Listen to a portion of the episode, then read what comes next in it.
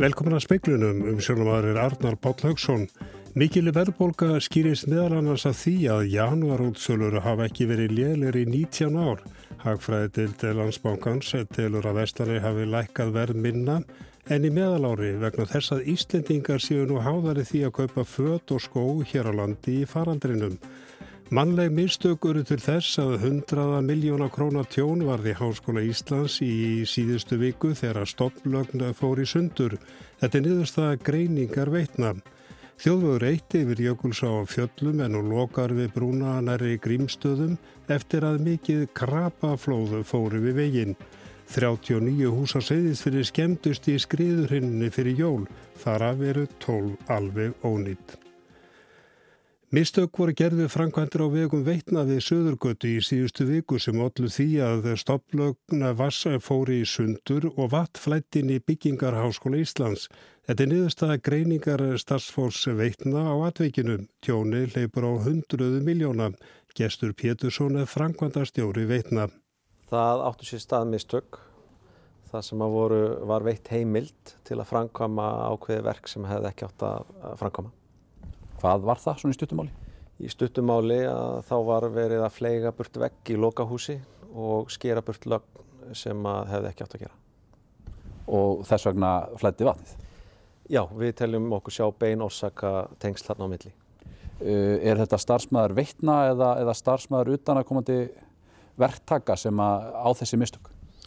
Það hefur bara ekki komið í ljós að svo stöttu. Við erum að klára okkar greiningavinnu og viljum gera það vel og faglega, kakvart háskólanum.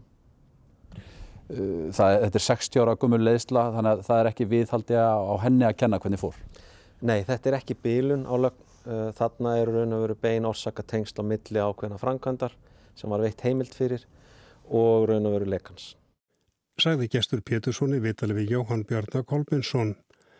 Livjastofnunum basti gæri tilkynningum andlátt aldrarar mannesku sem hafi fengið síðari bólusetningu gegn kornuverinu með bóluefni Pfizer-BioNTech Átta andlátt hafa nú verið tilkynnt til Lífjárstofnunar eftir bólusetningu með bóluefninum, allt aldra fólk með undirleikjandi sjúdóma. Engar vísbendingar er um tengsl andlátana við bóluefnið að sögn Rúnu Högstóttur Kvanberg fórstjóra Lífjárstofnunar. Janárútsölur hafa ekki verið lélir í 19 ár. Þetta kemur fram í hagfræði deildar landsbákans. Verðbólka í janúar mælist 4,3% og hefur ekki verið meiri í sjö ár. Hún fer yfir varúðarmörk Sæðlabankans sem þarf að gera ríkistjórninni grein fyrir ástæðum verðhækkanana. Fjármólar á þeirra sæði hátegisfréttum að ástæði væri til að hafa áhyggjur af verðbólkunni því hún gæti stemt vakstastígin í hættu. Allir þurft að taka þátt í að haldinni niðri, bæði fyrirtæki og hið ofinbera. Sæðlabankin tekur næstu vaksta ákverðun á miðvíkudaginn eftir viku. Hagfræðideild landsbankan segir í hagsjásinni að verðlag hafi lækkað með minna frá desember fram í janúar en almennt var búist við. Matur og drikjarvörur hafi hækkað meira en fólk átti von á en 68% vörutegunda hafi hækkað í verði. Janúar er yfirleitt mest í útsölumánuður ársins en í þetta sinn lækkuðu fött og skór aðeins um 6,5%.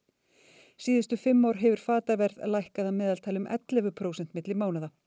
Lækkunni núna er minsta lækkun millir mánaða í janúar frá árunni 2002. Hagfræðiteildin segir að útsölu áhrifin síðasta sumar hafi líka verið lítill. Útsölutnar sé að líkindum mun minni í sniðum vegna þess að Íslendingar kaupi meira af fötum og skóm í innlendum verslunum en áður en farsóttin skall á. Sigriður Hagalin Björnstóttir sagði frá. Svandís Svavastóttir heilbyrjussáður að segja að Íslendingar muni fá alla þá skamta bólöfni gegn COVID-19 sem eigi að koma þótt ekkur breyting verða á afhendingar áallun. Hún segir hins vegar alþægt að meira óþól skæti í samfélum heimsins þegar ekki líki nákvæmlega fyrir hvernar afhendingar farið fram. Ég hef hins vegar séð það á þeim vikum sem eru að baki eða mánuðum í þessu ferli að þessi áform taka breytingum stundum þannig að það verði til þess að hægja á ferli en stundum að herða á því. Þannig að það er ekki nóg með það, virðulegur forseti, að við þurfum að halda áfram að snúa bökum saman og sína samstöðu í þessu verkefni, heldur þurfum við líka að sína þolgæði og úthald. sagði Svandi Sáastóttir á Alþingi í dag og nána verið fjallað með þetta mál síðar í speglunum. Þjóðvegur eitt yfir Jökulsá á fjöllum en hún lokar við brúnanar í grímstöðum eftir að mikið krabaflóðu fór þar yfir veginn. Áinn rutti sig rétt fyrir klukkan fjögur og vatn og ísjakar þekja veginn á löngum kabla. Starsmenni vegagerðarinnar hafa fylst með áni síðustu dagan og varað vekkvarendur við að áinn gæti náð upp á veginn. Gretar Áskilsson er vekstjóri hjá vegagerðinni. Já, það er dækja til 30 metra þykku krabbi og ís á veginum á 300 metra kabla og meðal annars fór sundur ljósleðar eða skilst mér og vatnamælingaskúr kvarf á hliðina mm. allavega. Er, eru vinnuvilar farnar af staðað og byrjar að móka þetta eða hvað? Já, það er hjóluskopla leiðin úr mjög sett og hún er ekki komin á staðin en það eru lokað allavega vel fram eftir kvöldi og, og kannski í nótt það er bara verið að metta stöðun og eftir þegar það er að vera byrjað að móka þetta og, og hvort hún næra ræsa sér fram það er, það er ennþá stípla einhverstað neðar í áni og, og hérna, það er ekki komið reynsli við brúna ennþá.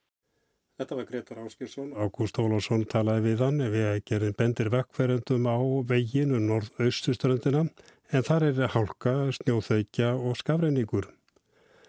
Á fundi byðar ás múlaþings í morgun var lögð áherslu á að grunnmati á seyðistýri verði hraða til að hægt verða að taka afstöðu sem fyrst á nýtingu húsnæðis í nákrenni við stóru skriðuna. Sveitarstjóri Múlaþings segir að vonsi á frummatskíslum um áframhaldandi skriðuhættu frá verkfræðistofunni Eblu. Alltaf fimm íbúarhús getur verið óíbúarhæf utan við stóru skriðuna. Viðurstón hefur skilað sveitarfélaginu bráðarbyrðar hættumati á skriðusvæðinu í minnisblæði. Þar segir að hætta á helstu svæðum sé áframtalin mjög mikil og langt yfir því sem talið er viðunandi í hættumats reglugjörð. Endur skoðað hættumat áleggja fyrir síðar á þessu ári en í minnisblæðinu segir að hættan mingi ekki við þá endurskoðun og svo staðarind geti þjónað sem grundvöllur ímissa ákvarðana sem stjórnvöld þurfa að liggi ekki fyrir. Aðgerðir stjórnvalda hafa til þessa miðast við að byggja varnarvirki eða fluttning byggðar. Í minnisblæðinu segir að í hlýðinni millir stöðvarlækjar og búðarár sé meiri hætta en áður á skriðuföllum. Stór flegi er í skriðusárunni sem hljópa ekki fram, sem segir í hættumatinu að sé nægilegt efni í stóra skriðu, jafnvel töluvert starri en þá sem fjall í desember. Líkindarekningar benda til að fari efnið af stað, fari það um áhrifasæði skriðunar sem er þegar fallin, en leiti líka í fjárveg stöðvarlækar og skap skapið því hættu á svæðinu utan hans. Hólfriður daginni Fríðjónsdóttir saði frá og meira að austan 39 hús á segðist verið skemmtust í skriðurinni fyrir jól þar að veru 12 alveg ónýtti. Þetta er niðurst að náttúru hamfara tryggingar Íslands. Starsmenni stofnarinnar hafa verið meir og minna á segðistviði frá orumótum að ræða við húsegundur og óháðir matsmenn hafa metið tjónið. Alltaf 80 cm lag af auður og grjóti fór inn í nokkra kjallara í aðri byggðarinnar. Fimm hús skemmtust mikið að meir en 15% af brunabótamatti og 22 hús minna. Hildartjón er metið á um, um og yfir miljard. Undanfarnar viku hafum 20 beðið á hverjum degi á bráðamáttöku landsbítala eftir að komast inn á ymsara legudeildir spítalans eftir að hafa lokið meðferð á bráðamáttökunni. Alltaf þurfa einhverju að leikja á göngum og það leiðir til þess að sótvarnir er ekki eins og bestur á kosið að sögn yfirleiknis bráðalækninga á landsbítalanum. Á landspítala liggja nú 85 aldraðir sem hafa fengið færni og heilsumat og býða þess að komast á hjókunarheimili eða í önnur úrraði sem henda betur þörfum þessa hóps.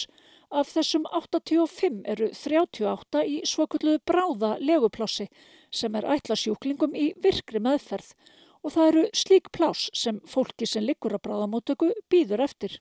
Jón Magnús Kristjánsson, yfirleikni bráðalækninga á landsbytala, segir að alltaf þurfi hluti þeirra sem býða á bráðamötugunni að liggja á göngum.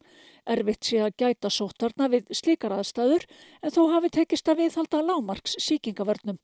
Jón Magnús segir að meðalbyggtími fólks eftir að komast af bráðamótökunni á legudeildir séum 16 klukkustundir.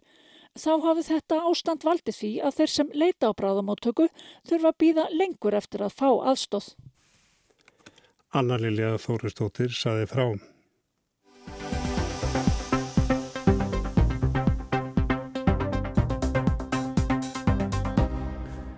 Svandís Sáastóttir heilbyrðis að það flutti munlega skýstu sínum öflun og dreifingu bólefnis á alþingi í dag. Fjölmargir tóku til máls í rúmlega tveggja tíma umræðu sem lauka á fymta tímanum.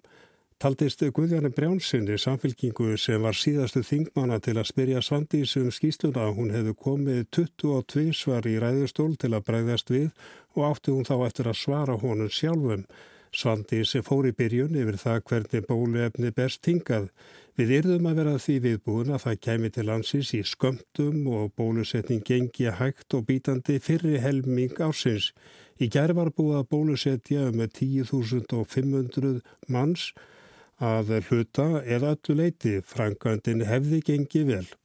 Bólusetning hefur gengið vel eins og framöðu komið og hún hefur farið fram jafn skjótt og bóluefni berst sem er gríðarlega mikilvægt því að sumstaðar í löndunum í kringum okkur þá sjáum við að þó bóluefnin hafi borist til viðkomandi lands að þá hafa þau ekki náð að dreifast uh, með viðöndi hætti til almennings í uh, landinu.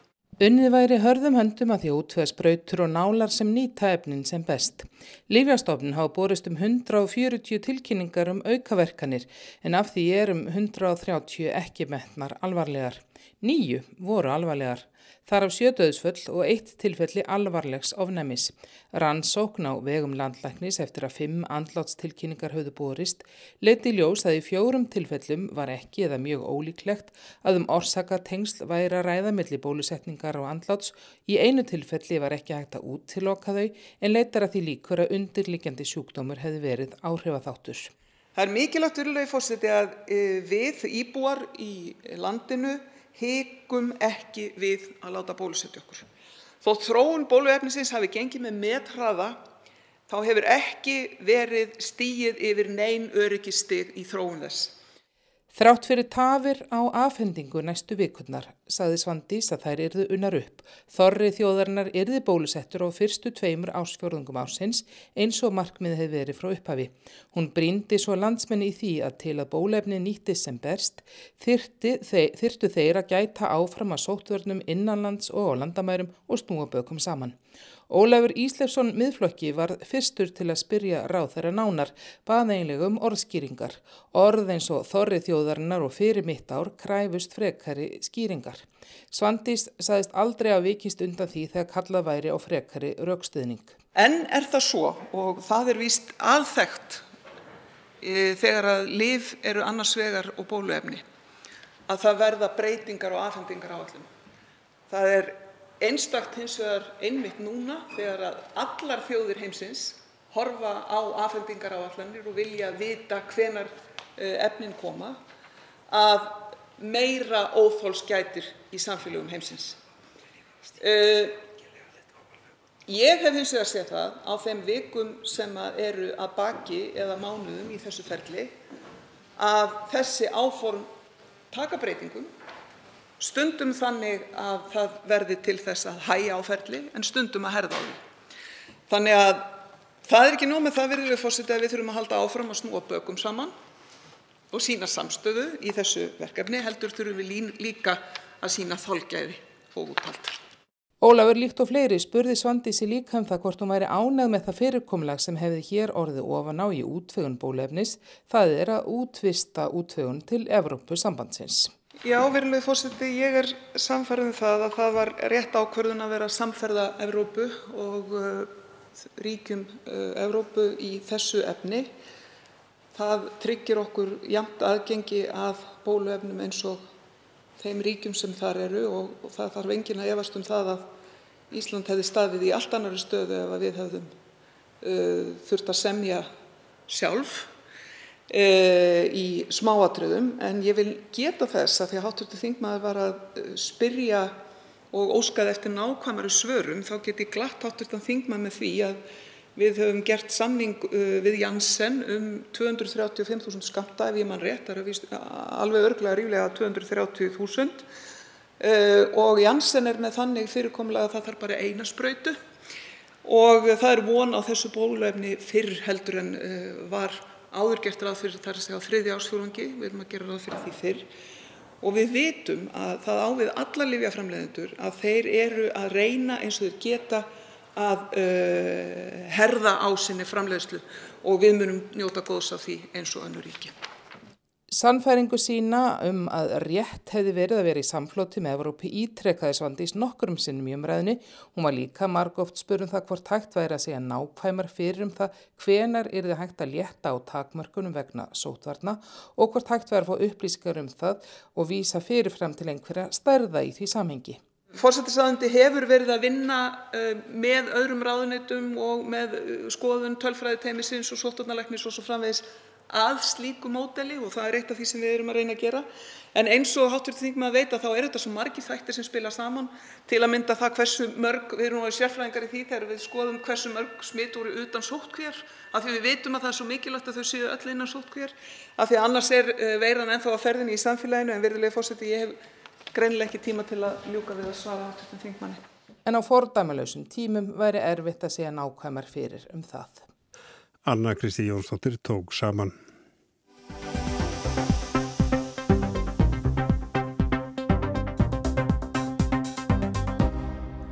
Yfir 75% ístendingar telja að inflytjendur hafi haft góð áhrif á samfélagi. Þetta kemur fram í umfangsmikillir ansóns en gerðvarðið 2018.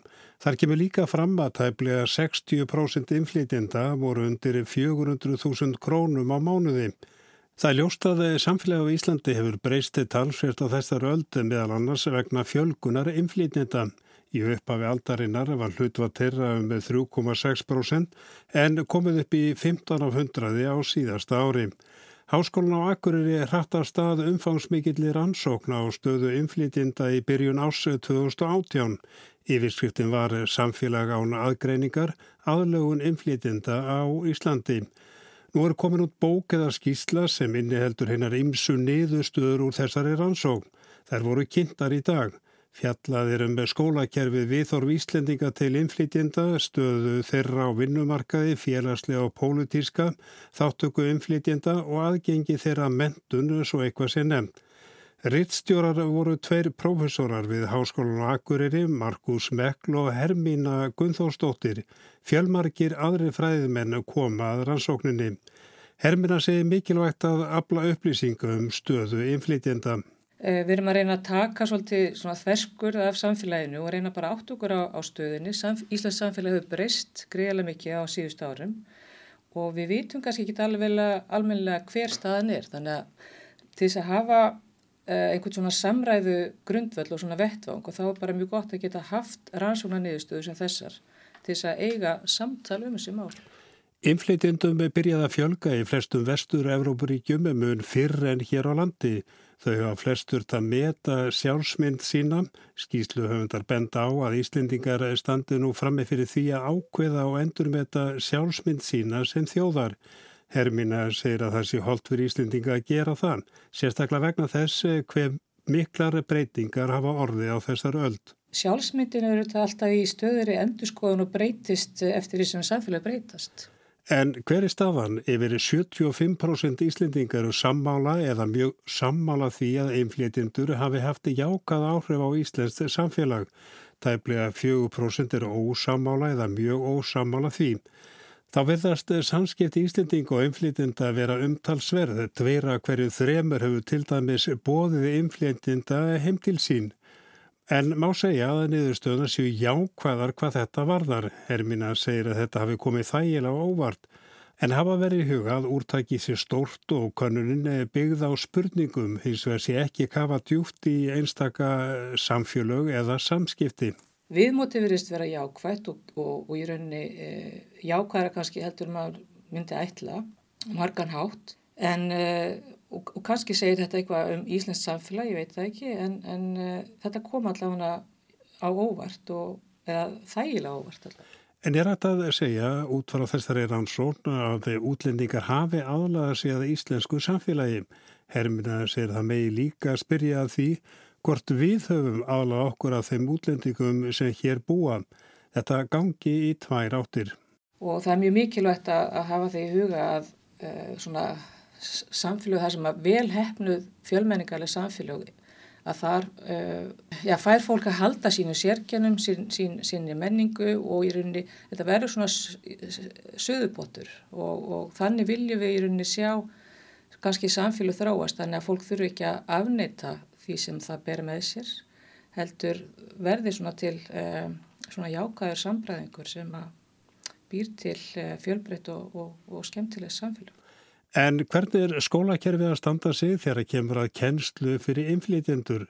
Í rannsóknu kemur fram að sum sveitarfjölug hafa ekki mótað skýra stefnu í þeim málum. Hermina segir að skólakerfið sé að mörguleita að standa sig mjög vel.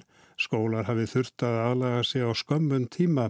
Hún bendir á að í mörgum stærri sveitarfjölugum hafi verið unni vel í þessum málum. En það er mjög víða og allt og víða sem við kannski erum ekki að að veita þessu nóg með klatikli og, og kennarar sérstaklega í þessari rannsókn tala um það að þeir séu svolítið uh, einangraðir og, og, og sérstaklega í, í smærri samfélögum að, að, að þeir hafi kannski ekki það, uh, þá þekking og þá mentun sem, sem þeir þyrtu að hafa þannig að þetta er, þetta er stöðut verkefni og ég held að við séum kannski við erum alltaf réttir, við erum á réttir leið held ég og, og þurfum, og það er svona sams, rann, aðra rannsóknir sem hafa gefið okkur mjög góð dæmi þar sem við getum hort til en þetta er svolítið sem sveitafélag þurfa að taka meira kannski eh, sem svona heilstæða stefnu og skoða það hvers konar, hvers konar samfélag vilja, vilju við eh, byggja upp. Það skiptir málega ná tökum á íslensku og í rannsóknu kemur fram að útlendingar er ekki alveg sáttur við þau námskeiði sem er í bóði.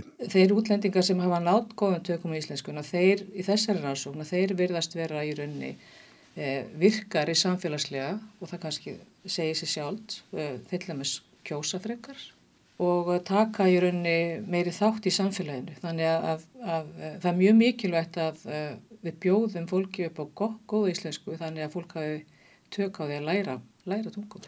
Inflytenda þróunin er talsverti mikið setna á ferðinni hér með önnur Evrópulönd. Stafan hér er að enn sem komið er gegna inflytendur ekki mörgum mikilvægum stöðum á Íslandi ef svo má orðið komast.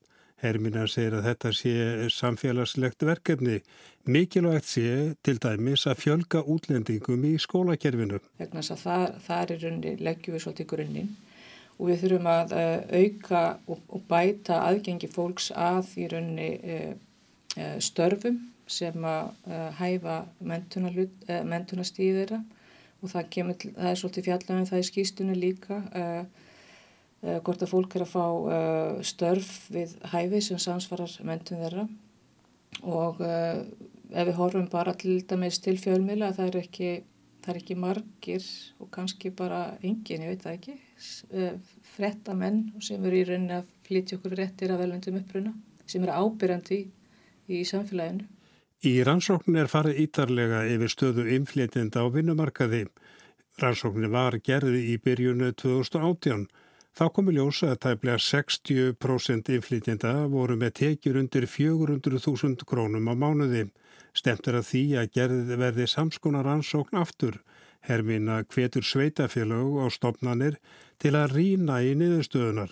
Og eiga síðan svolítið samtal um það uh, hvað þetta þýðir til dæmis eins og varðandi kynjamun, uh, launamun, konur að ellendum uppruna sem að er að fá í rauninni já, eru miklu verðstattar hvað launalega sé heldur en konur sem eru já, íslenskar á íslenskum vinnumarkaði og það þarf í rauninni að rýna svolítið í þetta markvist vegna þess að við viljum ekki að, ójöfnöður uh, aukist, við viljum að Íslands samfélag sé, já það sé hér ríki er jafnræði og jafnrætti fyrir alla, ekki bara þá sem hér eru fættur og uppaldir. Þetta var Hermína Guðþórsdóttir.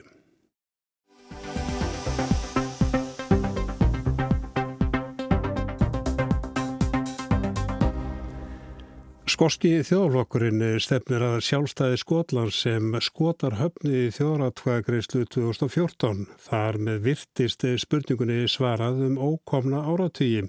En skotar eru ósáttur við útgöngu breyta úr Európa-sambandinu, svo breyting fel í sér forsendu breyst, en þeir glíma við óvilja breysku stjórnarinnar um að halda aðra þjóðratkvæðagreyslu um málið. Úrslitin í þjóðratkvæðagreðslu skota 2014 um sjálfstæði voru nokkuð afgerandi. 55% á móti sjálfstæði Skotlandi, 45% lindi. Skoski þjóðaflokkurinn er eini flokkurinn sem berst fyrir sjálfstæði. Kannanir sína að flokkurinn nýtur að hluta stuðningsskota sem er einfallega hallir undir önnur stefnumálflokksins en sjálfstæði. En líka að yfir helmingur skota stiður nú sjálfstæði og hefur gert um hríð. Það er því ekki endilega sama sem merki millir sjálfstæðistefnum flokksins og annara mála í hugum kjósanda en til að taka af öll tvímæli, flokkurinn hefur nú líst yfir að hann muni berjast fyrir annari þjóðaratkvæða greiðslu ef hann vinnur meirluta í kostningum til skoska þingsins í mæ. Síðast vantaðan aðeins tvö þingsæti í meirluta. Vandi skoska þjóðaflokksins er að hafa þegar tapað sjálfstæðismálinu einu sinni. Réttlæting þess að kjósa aftur svo skömmu eftir síðustu atkvæðagreyslu er að breska stjórnin hafi tekið skota nauðuga úr ESB. Meirliti skota stutti áframhaldandi ESB aðild í bresku þjóratkvæðagreyslunni 2016. Vandin er líka að það er snúið að halda skoska þjóratkvæðagreyslu án samþykis bresku stjórnarnar og breska stjórnin telur málið hafi verið afgreitt 2014 eins og Boris Johnson forsætsráður að sagði í viðtali áspyrjun breytar kusu um Evrópusamvinnuna 1975 og aftur 2016 nokkurt veginn hæfilegt byl milli þjóðratkvæðagreisna. We had a referendum in 1975 and uh, we then had another one in 2016. Uh, that seems to be about the right sort of gap. Nikola Sturgeon, leðtói skoska þjóðraflokksins, tók þessa afstöðu óstind upp í viðtali um helgina Forsætsráð þeirra væri bara hrættur við líðræðið. Skoðanakannanir síndu að meirulhuti skota vildi sjálfstæði. He's frightened of democracy. Uh, the polls now show that a majority of people in Scotland want independence. Samþykki bresku stjórnarinnar til að halda þjóðratkvæðagreyslu liggur ljóslu ekki á lausu. Það er þó möguleg smuga framhjöðsu. Sérstatt ákvæði í heimastjórnarlögunum sem heimila skotum að taka máli sínar hendur við ákveðnar aðstæður. Þetta viðræði Sturgeon um helgina. Alls ekki augljóst að þetta gangi upp og skotar vilja helst ekki lendi í lagalegum stimpingum eins og katalónar gerðu við spænsku stjórnina við svipaðar aðstæður. Hið nýja útspil Sturgeons og þjóðaflokksins er þetta að leggja fram áallunum hvernig þeir geti gert þetta sem er þó ekki augljóst að takist. Breska ríkjasambandið og heimastjórn landslutana fjögura, Englands, Skotlands, Wales og Norður-Írlands er venjuleg ekkert sem brettar hnjóta um í daglega lífinu. En þeir gera það núna því veirufaraldurinn hefur afhjúpað hversu langt sjálfstjórnin nær að landslutarnir geta farið sínar eigin leiðir gegn COVID. Afleðingin er að landslutarnir fjórir eins og hossast hver í sínum jeppa í þeirri torfæru sem COVID er. Frettir um ólíka ráð og ólíka reglur eru vægasagt rugglandi og vekja stöðugar spurningar og vangaveltur. Því er það ekki aðeins skotar sem hugleiða sjálfstæði á yfirstandandi veirutímum. Svo hugmynd nýtur nú vaksandi fylgis á Norður-Írlandi, reyndar ekki að lýsa yfir sjálfstæði, heldur að saminast Írlandi eða Írska líðveldinu. Í Wales með sína 2 miljónir íbúa hafa aldrei verið jafnmargir á þeirri skoðun að sá landsluti ætti að verða sjálfstæður þó það sé ekki meir hluti fyrir því. Gordon Brown er fyrrum leðtói verkamannaflokksins og fórsætsráðra á áronum 2007 til 10. Skotin Brown barðist ötulega fyrir ríkjasambandinu í atkvæðagreðslunni 2014 og gerir enn. Hann sagði í bladagrein eftir yfirlýsingu skoska þjóðaflokksins um helgina að upplaust geti blasa við Breitlandi.